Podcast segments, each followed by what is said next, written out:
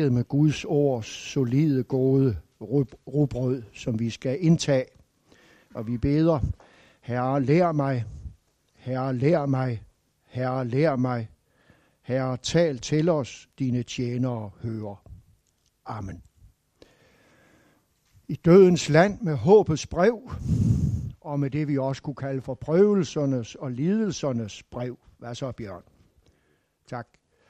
Øhm, inden jeg går videre med det, så vil jeg godt lige vise jer den her bog. Nu handler det jo om dødens land, og, og de fleste dør jo sådan i alderdommen, lykkeligvis, at det første dag. Øh, og der er der altså et brag af en bog, jeg vil anbefale jer meget. Anselm Gryns bog, Kunsten at blive ældre i ro og mag. Det er sådan en typisk dansk hyggetitel. I ro og mag. Den, hvis man tager den tyske, så er det noget i stil med den livskunst at ældes. Den livskunst kunst at ældes. Det er et brag af en bog. Skrevet af en katolsk munk og åndelig vejleder. Han skrev den, da han var godt 70. Det er simpelthen den bedste bog, jeg har læst om det emne. Det siger sig selv, at jeg er optaget af det. Det giver sig selv. Det er altså et brag af en bog. Og den skal forære en emeritus, der lige er fyldt 70. Han skal have den som gave. Og jeg fik ikke givet ham en gave, da han fyldte 70. Jeg vil bare sige, få fat i hovedland og få bestilt den og læs den til dig selv. Også jer, der ikke er pensionister endnu. Og begynd at træne jer i at tænke de her tanker. Det er livskunst hentet ud af prøvet liv og ud af så meget godt, som han nu øser af den gode Anselm Grøn. Prøv at få fat i den på hovedland. Yes. Øhm. Og så er det formaningerne. Og vi har jo mødt dem undervejs øh, om at lade sig besjæle af håbet og lytte til det, apostlen tilskynder os til omkring håbet og prøvelserne. Vi har set noget af perspektivet, og nu skal vi så lige, inden vi går videre med konkrete formaninger, særligt til præsterne, så skal vi se, se nogle nedslag af det her med, at øh, formaningerne kommer ind i forbindelse med håbets fastholdelse og liv, og i forbindelse med de der prøvelser og lidelser. Vi tager bare nogle nedslag, og vi kan ikke tage det hele. Noget har vi også mødt lidt, nu ser vi. 1.13. Vær derfor overvågende, gør sindet rede, bind op om lænderne, og sæt alt jeres håb til den nåde, der gives jer, når Jesus Kristus åbenbares. Der er altså noget, vi skal være skarpe på, og som skal være en hjælp, så vi sætter alt vores håb til den nåde, vi skal få del i. Det er altså at være overvågen. Og så dette udtryk, gør sindet rede. Altså være vågen, skarp, koncentreret, bevidst, målrettet. Og gør sindet rede, det betyder åbne sindet for det her, så vi sætter alt vores håb til den nåde, vi skal få i. Den fremtidige nåde, som vi har set, han taler så meget om, samtidig med at han også opererer med den nutidige nåde. Så har vi flere gange været omkring 3.14-16, men vi skal lige have det igen. 3.14. Men skulle I også komme til at lide for retfærdighed? Det er ikke sikkert, men det kan ske. Så er I salige. Frygt ikke, hvad de frygter. Nær ingen redsel. Men I skal hellige Herren Kristus i jeres hjerte. Altså hvis I kommer til at lide, hvis prøvelserne kommer, så skal I ikke frygte og være redselslagen. I skal derimod gøre noget andet, som skal hjælpe jer op mod den redsel og frygt, der ellers betager jer. Hellige Herren Kristus i jeres hjerte. Tag ham ind. Tag imod ham. Lad ham fylde, så håbet kan bo i dig. Ligesom Kristus skal bo i os, og ånden skal bo i os, så skal håbet bo i os. Således at det er derinde, så vi, når situationen er til det, er parat til og gøre rede for det håb, der bor i os. Vi kan også tage 3, 8, 9, som jo kommer som indledning til et af lidelsesafsnittene. Og til slut, det er ligesom om, nu samler han noget, nu, nu kommer noget vigtigt. Lad Lev alle i enighed, eller ensindethed, som det også kan betyde. Det går ikke på, at vi er enige i alt, men at vi er ensindede. Lev alle i enighed og vis medfølelse, empati, broderkærlighed, barmhjertighed og ydmyghed. Gengæld ikke ondt med ondt eller skældsord med skældsord, men tværtimod med velsignelse. Sådan er det, når håbet kommer til at fylde, og så er de placeret der, hvor lidelser og prøvelser kommer til at være. Der lægger han os altså det her på sinde. Det er helt i samme boldgade som 4.19. 4.19, det står også, kan I se, i en lidelsessammenhæng. Derfor skal de, der efter Guds vilje må lide, det er altså noget, Gud tillader stadig gøre det gode og overlade deres sjæl til den trofaste skaber. Altså når de må lide efter Guds vilje, altså noget han tillader, hvad skal de så være optaget af? Stadig gøre det gode. Stadig fortsætte med at gøre det gode og overlade deres sjæl til den trofaste skaber. Overgive sig til Gud, det er just livets mening. Det er det, vi skal formes og dannes til, så når vi ligger der, at vi så slipper og giver os over til Gud med eller uden bevidst tro og tvivl og anfægtelse og hele baduljen. Vi giver os over til Gud. Overlade vores sjæl, det betyder vores person, til den skaber, der har lovet at være trofast, også når vi ikke er det. Og så 4, 1-2, synes jeg også lige, vi skal stanse ved. Da nu Kristus har lidt læmeligt, skal også I væbne jer med hans sind. Han led altså læmeligt. Og så skal vi væbne os med hans sind. For den, der har gennemgået læmelig lidelse, har gjort sig færdig med synden. Det er et stærkt udtryk. Vi har da ikke gjort os færdige med synden, fordi vi har noget at kæmpe med. Det er jo ikke ligefrem vores erfaring. Men hvad er, me- hvad er meningen? Lidelsen skal hjælpe os til at dø bort fra synden, som han var inde på i 2.24. På sit læme bar han selv vores sønder op på korset, for at vi, døde fra synden, skal leve for retfærdigheden.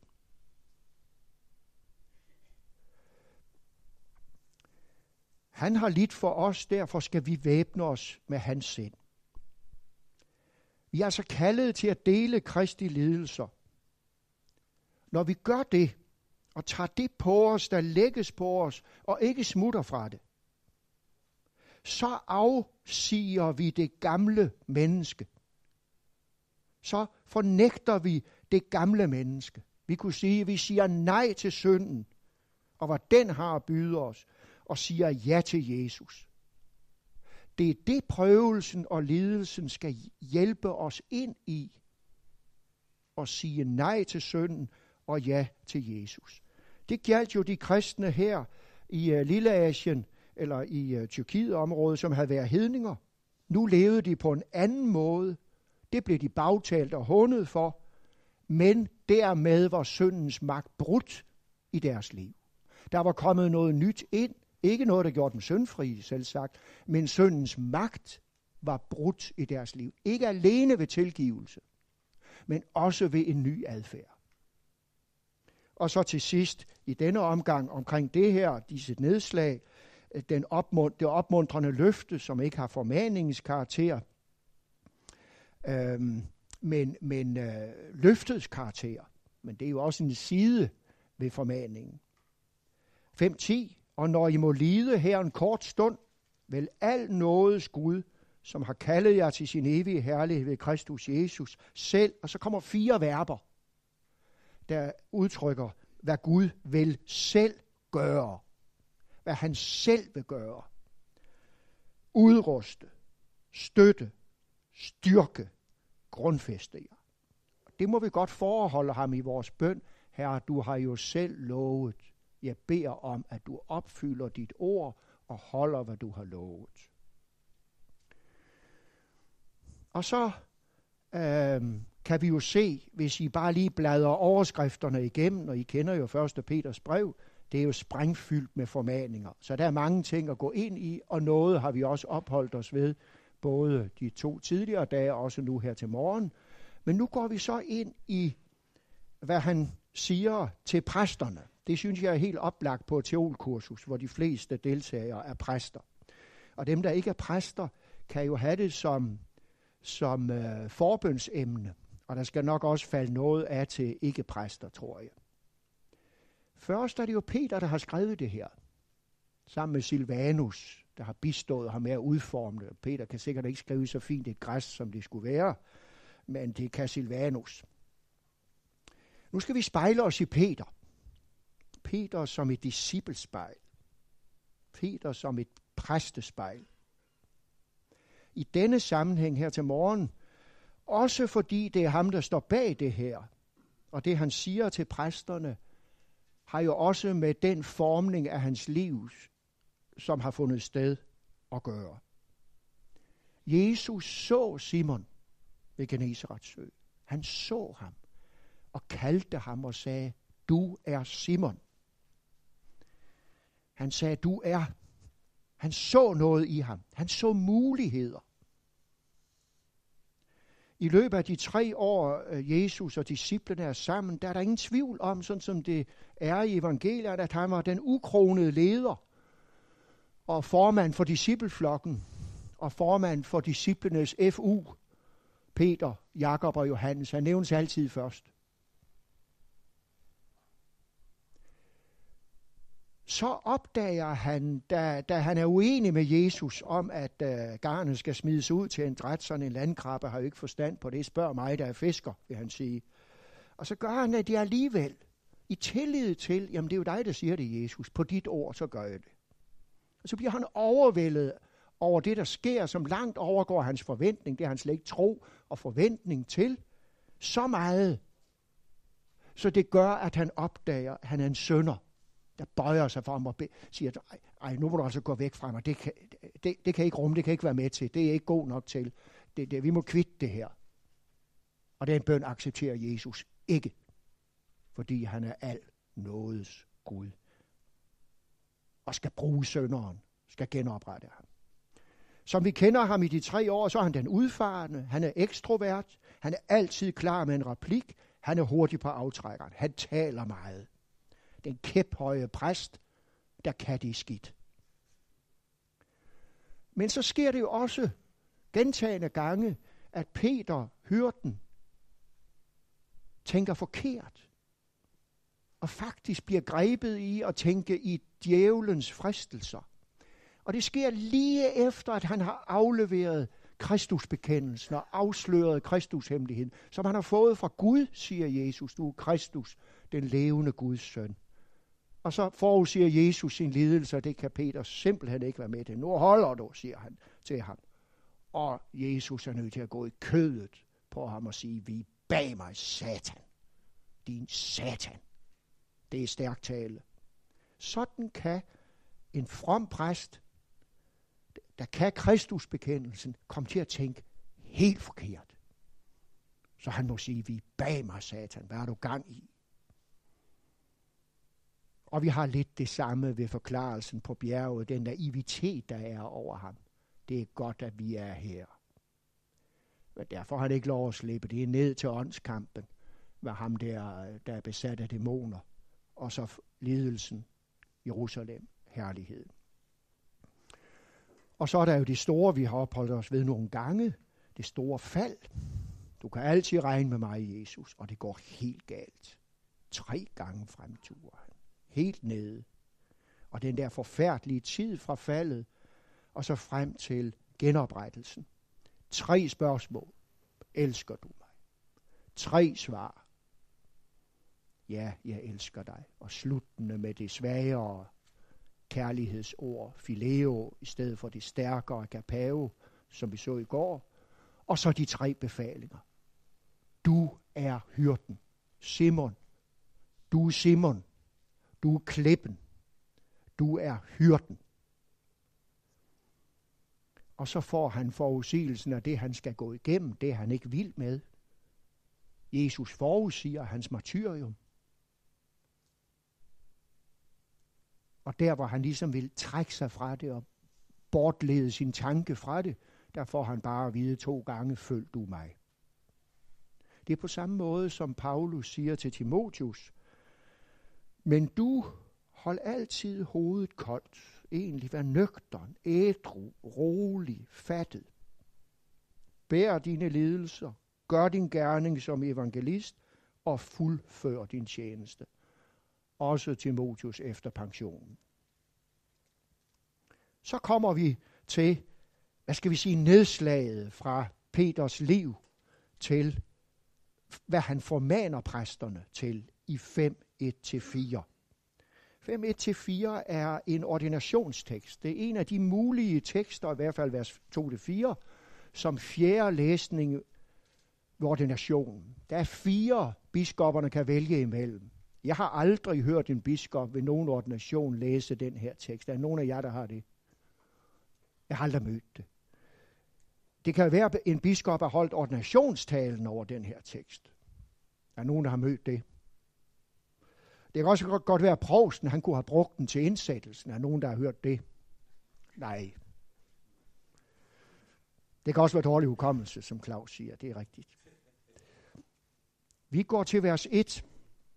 Jeres ældste formaner jeg som medældste og som vidne om Kristi lidelser, og som den, der har del i den herlighed, som skal åbenbares. Prøv at mærke til, hvad han gør her. Han stiller sig helt på linje med medarbejderne. Det er den ældste, der taler til medældste. Apostlen, der jo er over dem alle, han er kirkens øh, øh, øverste leder, er også medældste. Han stiger ned fra piedestallen som en Jesus, der tjener.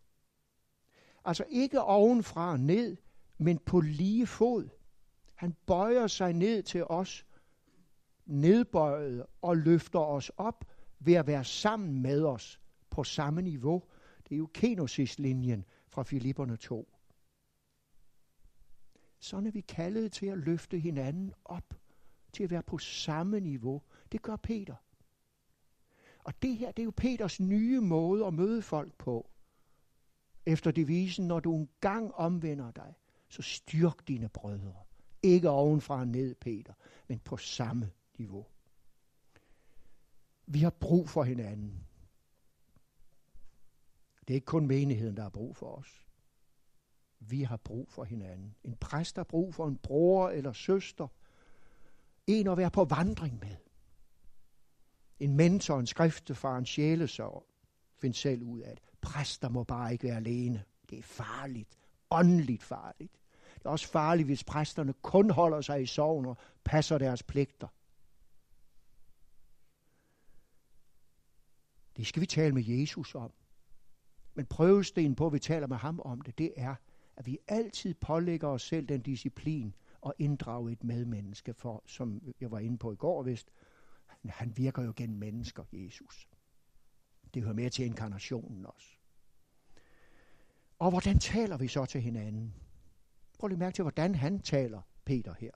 Hvordan taler vi til hinanden og til folk i menigheden, til de frivillige, til de ansatte, kirketjeneren, organisten. Er vi på samme niveau? Er det lige værd i luften? Og så det, som vi blev gjort opmærksom på på GLS sidste gang, som gik rent ind hos mig, så i hvert fald som noget, jeg skal reflektere over, som jeg vil give videre til jer. Hvad står der tilbage i sindet på den anden, når jeg har talt med ham hende? Det kan være kollegaen, kirketjeneren, den frivillige medarbejder, menighedsrådsformand. Hvad står der tilbage i sindet hos dem, når jeg har talt med dem? Den refleksion skal vi gøre os. Og så have den indstilling altid. Hvad kan jeg gøre for dig? Jamen, du har jo ikke tid, du har jo så travlt. Nej, jeg er til for dig. Det er din ret at spørge om min hjælp. Har du brug for den, så sig til. Så finder vi en tid og til en anden situation. Jeg har brug for dig. Vil du hjælpe mig?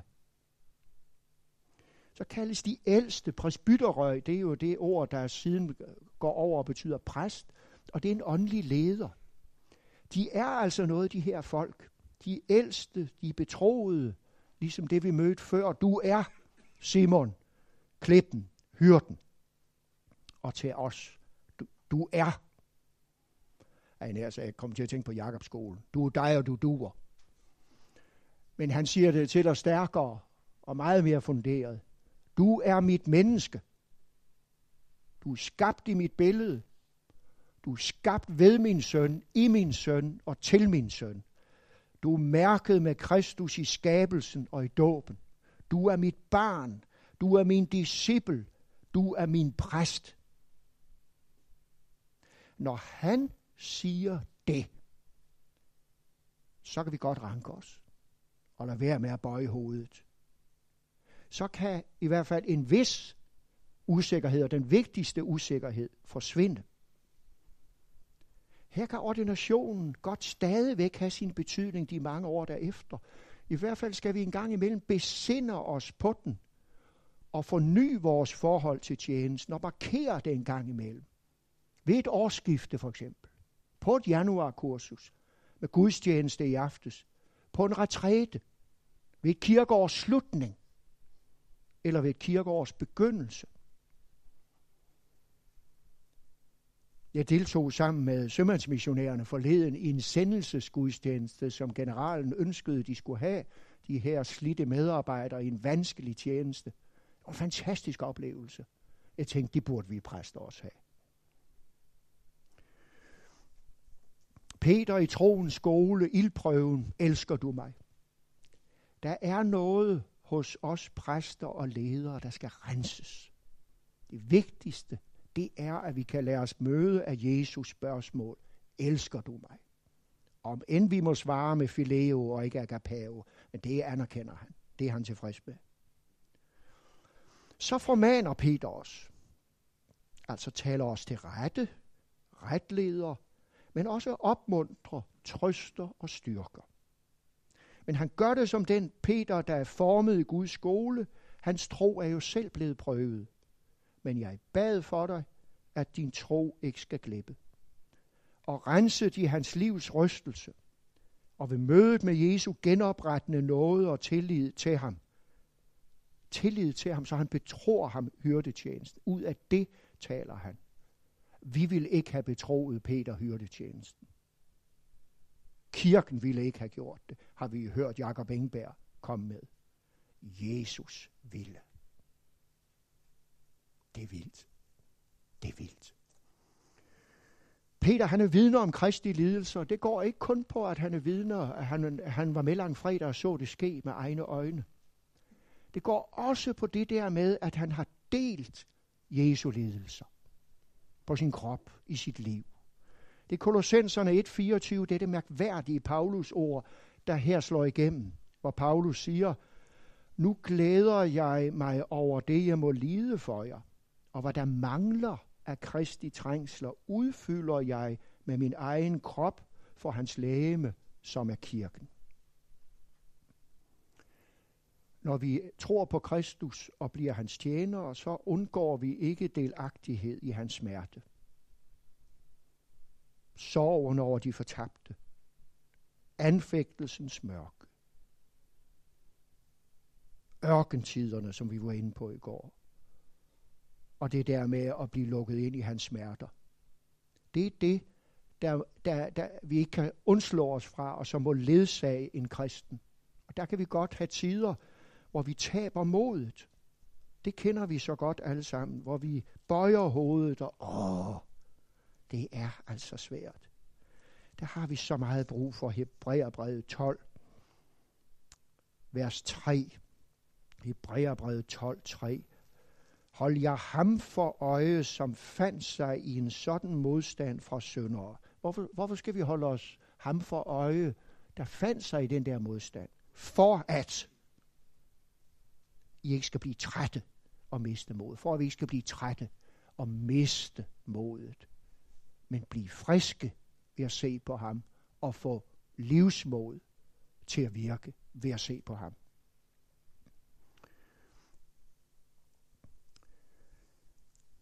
Og så er han del i Kristi herlighed. Lidelsen, ja. Men også del i Kristi herlighed. Del i. Vi, vi har fat i den, eller den har fat i os, og det har vi nu. Det er rigtigt, at den først skal åbenbares og blive tydelig og synlig og tydelig en gang. Der hvor fremtiden skal vise sig og have et ansigt. Men den er stadigvæk under disse øh, lærkarsforhold virkelig og erfarbar. Ikke for øjet, men for troen og for kærligheden. Vi ser ham for os i meditationen, i gudstjenesten, i tilbedelsen. Når han træder frem for os, og vi mærker, at han er her. Peter så Jesu herlighed på bjerget. Men Jesu herlighed blev særlig åbenbar for ham senere, da han blev genoprettet ved Genesarets sø. For der mødte han Jesu nåde, ikke bare som den guddommelige udstråling på bjerget, men som nåde og sandhed. Han var øjenvidne og erfaringsvidne. Vi er ørevidner og vidner til hans betydning for vores liv. Det må godt mærkes på os, når vi tager ordet på prædikestolen. Det, man, det er Folke Olofsson siger om Bo Hjertsen, når han steg op på en prædikestol. Så havde man indtryk af, at når han gik i gang med at prædike, så sagde han, nu skal jeg fortælle jer om det største, der er sket i mit liv. Denne vidnefunktion med vores person hører også med til forkyndelsen. Ikke at vi skal fortælle en masse historier fra vores eget liv. Det skal vi ikke trætte menigheden med. Det skal høres på os, at det er det største, der er sket i vores liv. Vers 2. Vær hyrder for Guds jord hos jer, vogt den, ikke af tvang, men frivilligt, som Gud vil det. Ikke for usel vindings skyld, men glad og gerne. Vær hyrder. Lederne skal altså være hyrder. Vi lever i en tid, hvor vi går meget op i ledelse. Det er også vigtigt. Jeg tager selv på leder, ledelseskonference en gang om året på GLS. Det bliver jeg ved med til, jeg signer. Men uh, når man går meget op i ledelse, skal man huske, lederen skal primært være hyrde. Lederen skal primært være hyrde. Er vi så det? Det er vi ikke altid. Vi kan bakse med det modsatte af at være hyret og lave selvværd. Det er jo ikke noget særligt at være præst mere. Vi har ingen position og ære mere. Det er fint nok, ret beset. Det kan også være træls. Jeg leder ikke jorden. Det er den, der leder mig gennem deres forventningspres, gennem apparatets system, alt det vi skal, og det folk vil have. Blæksprutte funktionen. Jeg strækker ikke til, hverken i familien eller i menigheden. Jeg orker ikke konfirmanderne. Jeg får ikke bedt, jeg får ikke læst noget. Det, det, jeg, jeg skal hele tiden forberede mig. Man kan køre så træt af sig selv af at snakke og snakke. Som en i Viersløv sagde, præsten holdt en tale og sagde ingenting. Sådan kan det blive for os. Hvis vi har det sådan, så kan det jo være, at vi har brug for en hyrde.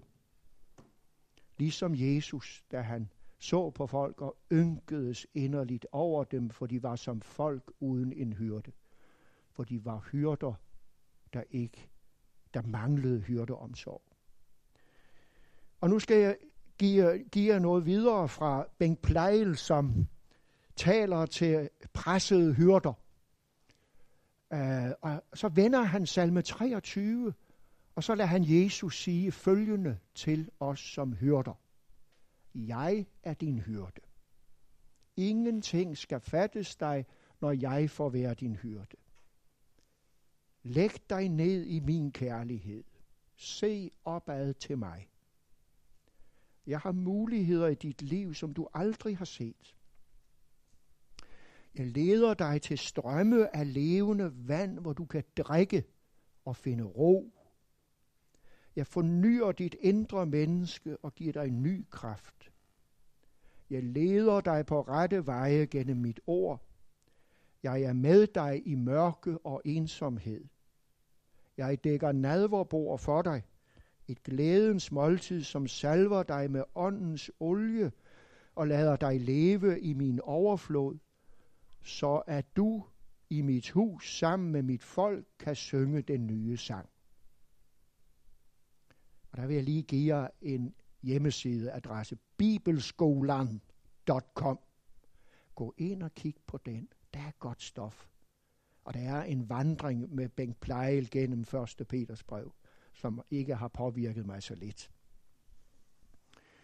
Vi modtager hans hyrdetjeneste, som Peter skal torsdag.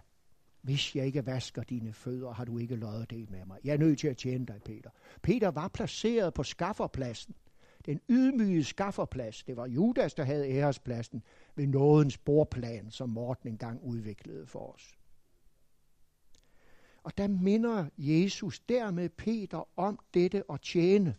Og så giver han ham et fantastisk eksempel indad i hans eget liv, derved at han tvinger, om så må sige, Peter til at modtage Jesu tjeneste. Det her er vigtigt på indersiden. Det har at gøre med 2.25, der også er et hyrdevers. 2.24b og 5, 25. Ved hans sår blev helbredt. Vi har så brug for, for, for vores sår lægt. Vi har alle sammen sår. Ikke bare syndens sår, psykiske sår, menneskelige sår, fra det der og det der, vi har været igennem. Og det skal vi have lægt, det skal vi have renset hos Jesus, ja, og hos mennesker, der er hans tjenere. Vi skal komme væk fra vores vilfarenhed. Når du engang omvender dig, så styrk dine brødre. Er vi omvendt? Eller skal vi ikke omvendes på ny? Nu igen? Omvendes til at være hans præst, og ikke den præst, vi selv vil være. Og så kommer det så igen. Vær hyrder for Guds jord. Hvad betyder det så? Giv dem ret kost til rette tid. Fyldig, nuanceret kost med de ordentlige vitaminer i.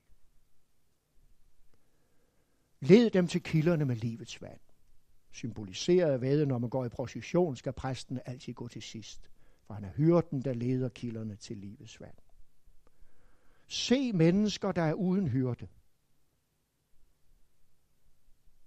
Men med lidenhedens smerte, og selvom det går ondt derinde. Opsøg. Løb ikke fra dem, men opsøg dem. Og bliv hos dem, som vi har hørt så fantastisk i går eftermiddag hos, med Lisbeth Due. Bliv her og våg med mig. Og så det, som Ezekiel udvikler i sit hyrdekapitel, Ezekiel 34, 16, hvis vi lige tager et opslag på det. Det er så vigtigt ved det, vi skal lægge os på sinde. Ezekiel 34, 16. De vilfarende vil jeg lede efter. De bortkommende vil jeg føre tilbage. De kvæstede vil jeg forbinde. De syge vil jeg styrke. De fede og stærke, de skal også have noget. Vil jeg passe på. Jeg vil vogte dem på rette måde. Det er det, vi skal lægge os på sinde. Så har vi nok at lave.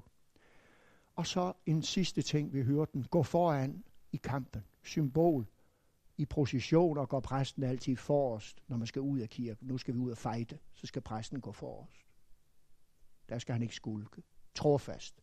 Stabil. Så siger han, vogt den. Egentlig våg over den. Det, det ord fik Peter også i Johannes 21 to gange. Vogt den.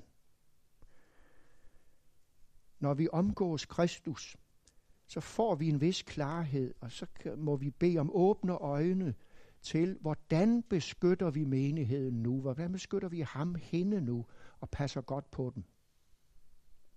Så kan der jo ske det, at vi kommer på afstand af Jesus, og så ryger vi ned i noget skidt. Han advarer imod, at vi skal gøre vores tjeneste af tvang. Det kan vi godt komme til på den måde, at vi er pligtro. Vi passer vores job. Ingen skal kunne sige mig noget på. Jeg er ikke en dovenlæs. Flittig præst. Slidsom præst. Det ser fint ud. Men det kan godt være skidt alligevel, hvis Jesus er holdt på afstand på hjerteplanet, og vi ikke har sluppet ham indenfor. Så drives vi jo ikke af Jesus, men vores egne pastorale ambitioner, planer og mål. Mit livs mål, det behøver sandt for dyden ikke at være Jesu mål. Jesus spørger ikke efter, hvor flittige og dygtige vi er, men elsker du mig? Ligesom Wilhelm Becks kone, der han anglede efter, var det ikke en fed prædiken, jeg holdt i dag. Jeg savnede tåren i Jesu øje. Så derfor er hjertekontakten til ham så vigtig. Så fornyer han os, så vi kan tage det på frivilligt. Jeg gider ikke at gå til menighedsrådsmøde. Jeg er træt af at gå til menighedsrådsmøde. Jeg gider ikke det der. Det er jo min embedspligt. Jeg skal konvertere det i mit hjerte til at gøre det frivilligt. Så tager man til møde med et andet sind. Som Gud vil det. Den måde Gud vil, vi skal agere på. Frivillighed. Vi taler så meget om frivillighed. Frivillighedens årti, øh, år og så videre og så videre. Ja, det skal vi også tage på os. Ikke bare vores job og pligt. Og så for usel vindings skyld. Jo, de blakkede motiver, der kan ligge i præstetjenesten. Det kan være ære, position, kendt, agtet, og så money. Højere løn, det, ja tak. En arbejder er sin løn værd. Men 1. Timotius 3.3, en præst skal ikke være glad for penge. Det kan vi nemt blive. Og der skal vi gennemskue tilværelsens ulidelige lethed og de der sølle money. Og så gennemskue det hårdt og brutalt, og så sige, jeg regner alt andet for skarn i sammenligning med det langt højere at kende Kristus. Hvis det får plads på hjertesiden, så skaber det en hengivenhed og et villigt hjerte. Så strømmer hans kærlighed ind i mig, når jeg ser op mod ham og ser hans ansigt og øjne. Og så ikke hersker over dem. Det kan altså ske, at vi kan komme til at herske med folk. Do- dominere folk. Kommandere med folk. Hvem tror vi, vi er? Det er jo ynkeligt at se, når vi begiver os ud af den tanke. Det er jo pinligt. Det sker, når Jesus ikke længere er herre i mit liv. Så bliver det selv jo. I mit eget liv og over for andre. Og det vil menigheden lide under. Det vil vores familie også. De store lader dem føle deres magt. Og så bliver man så sær mærkværdig. Pastoral mærkværdighed er frygtelig. En leder har en vigtig opgave. Der er et styrende moment, det er rigtigt, men det skal komme nedefra. Forsigtigt. Vi har ansvaret for den. Derfor skal vi være forbilleder. Og det skal vi ikke være ved ængstligt at gå op i os selv. Det gjorde med Langton. Han var så bange for at falde, så, Jesus, så øh, Luther sagde til ham, søn tabert. Gør det, og så se på Jesus. For hemmeligheden er jo den, man kommer til at ligne den, man er meget sammen med. Menigheden har brug for ledere med Jesus sindelag. Og det kan vi kun få ved at færdes med ham og omgås med ham. Og så har vi overhyrden over os. Og han er jo forbilledet i den grad på at tjene. Han er også kraften på at tjene i vores liv. Amen. Herre, tak, at du er hyrdernes hyrde. Og tak for, at du siger, at du er til os. Tak fordi du læger os og skænker os rankhed. Giv os åbne øjne. Og giv os, at vi i udholdenhed må fuldføre løbet og blive ved med at være disciple, til vi lægger os. Giv os på ny den indre drivkraft i din kærlighed. Og så beder vi om nåden at afsætte mammon i vores liv og indsætte dig, Herre Jesus, på vores livs trone på ny. Ære være faderen og sønnen og helligånden, som i begyndelsen, så nu og altid og i al evighed. Amen.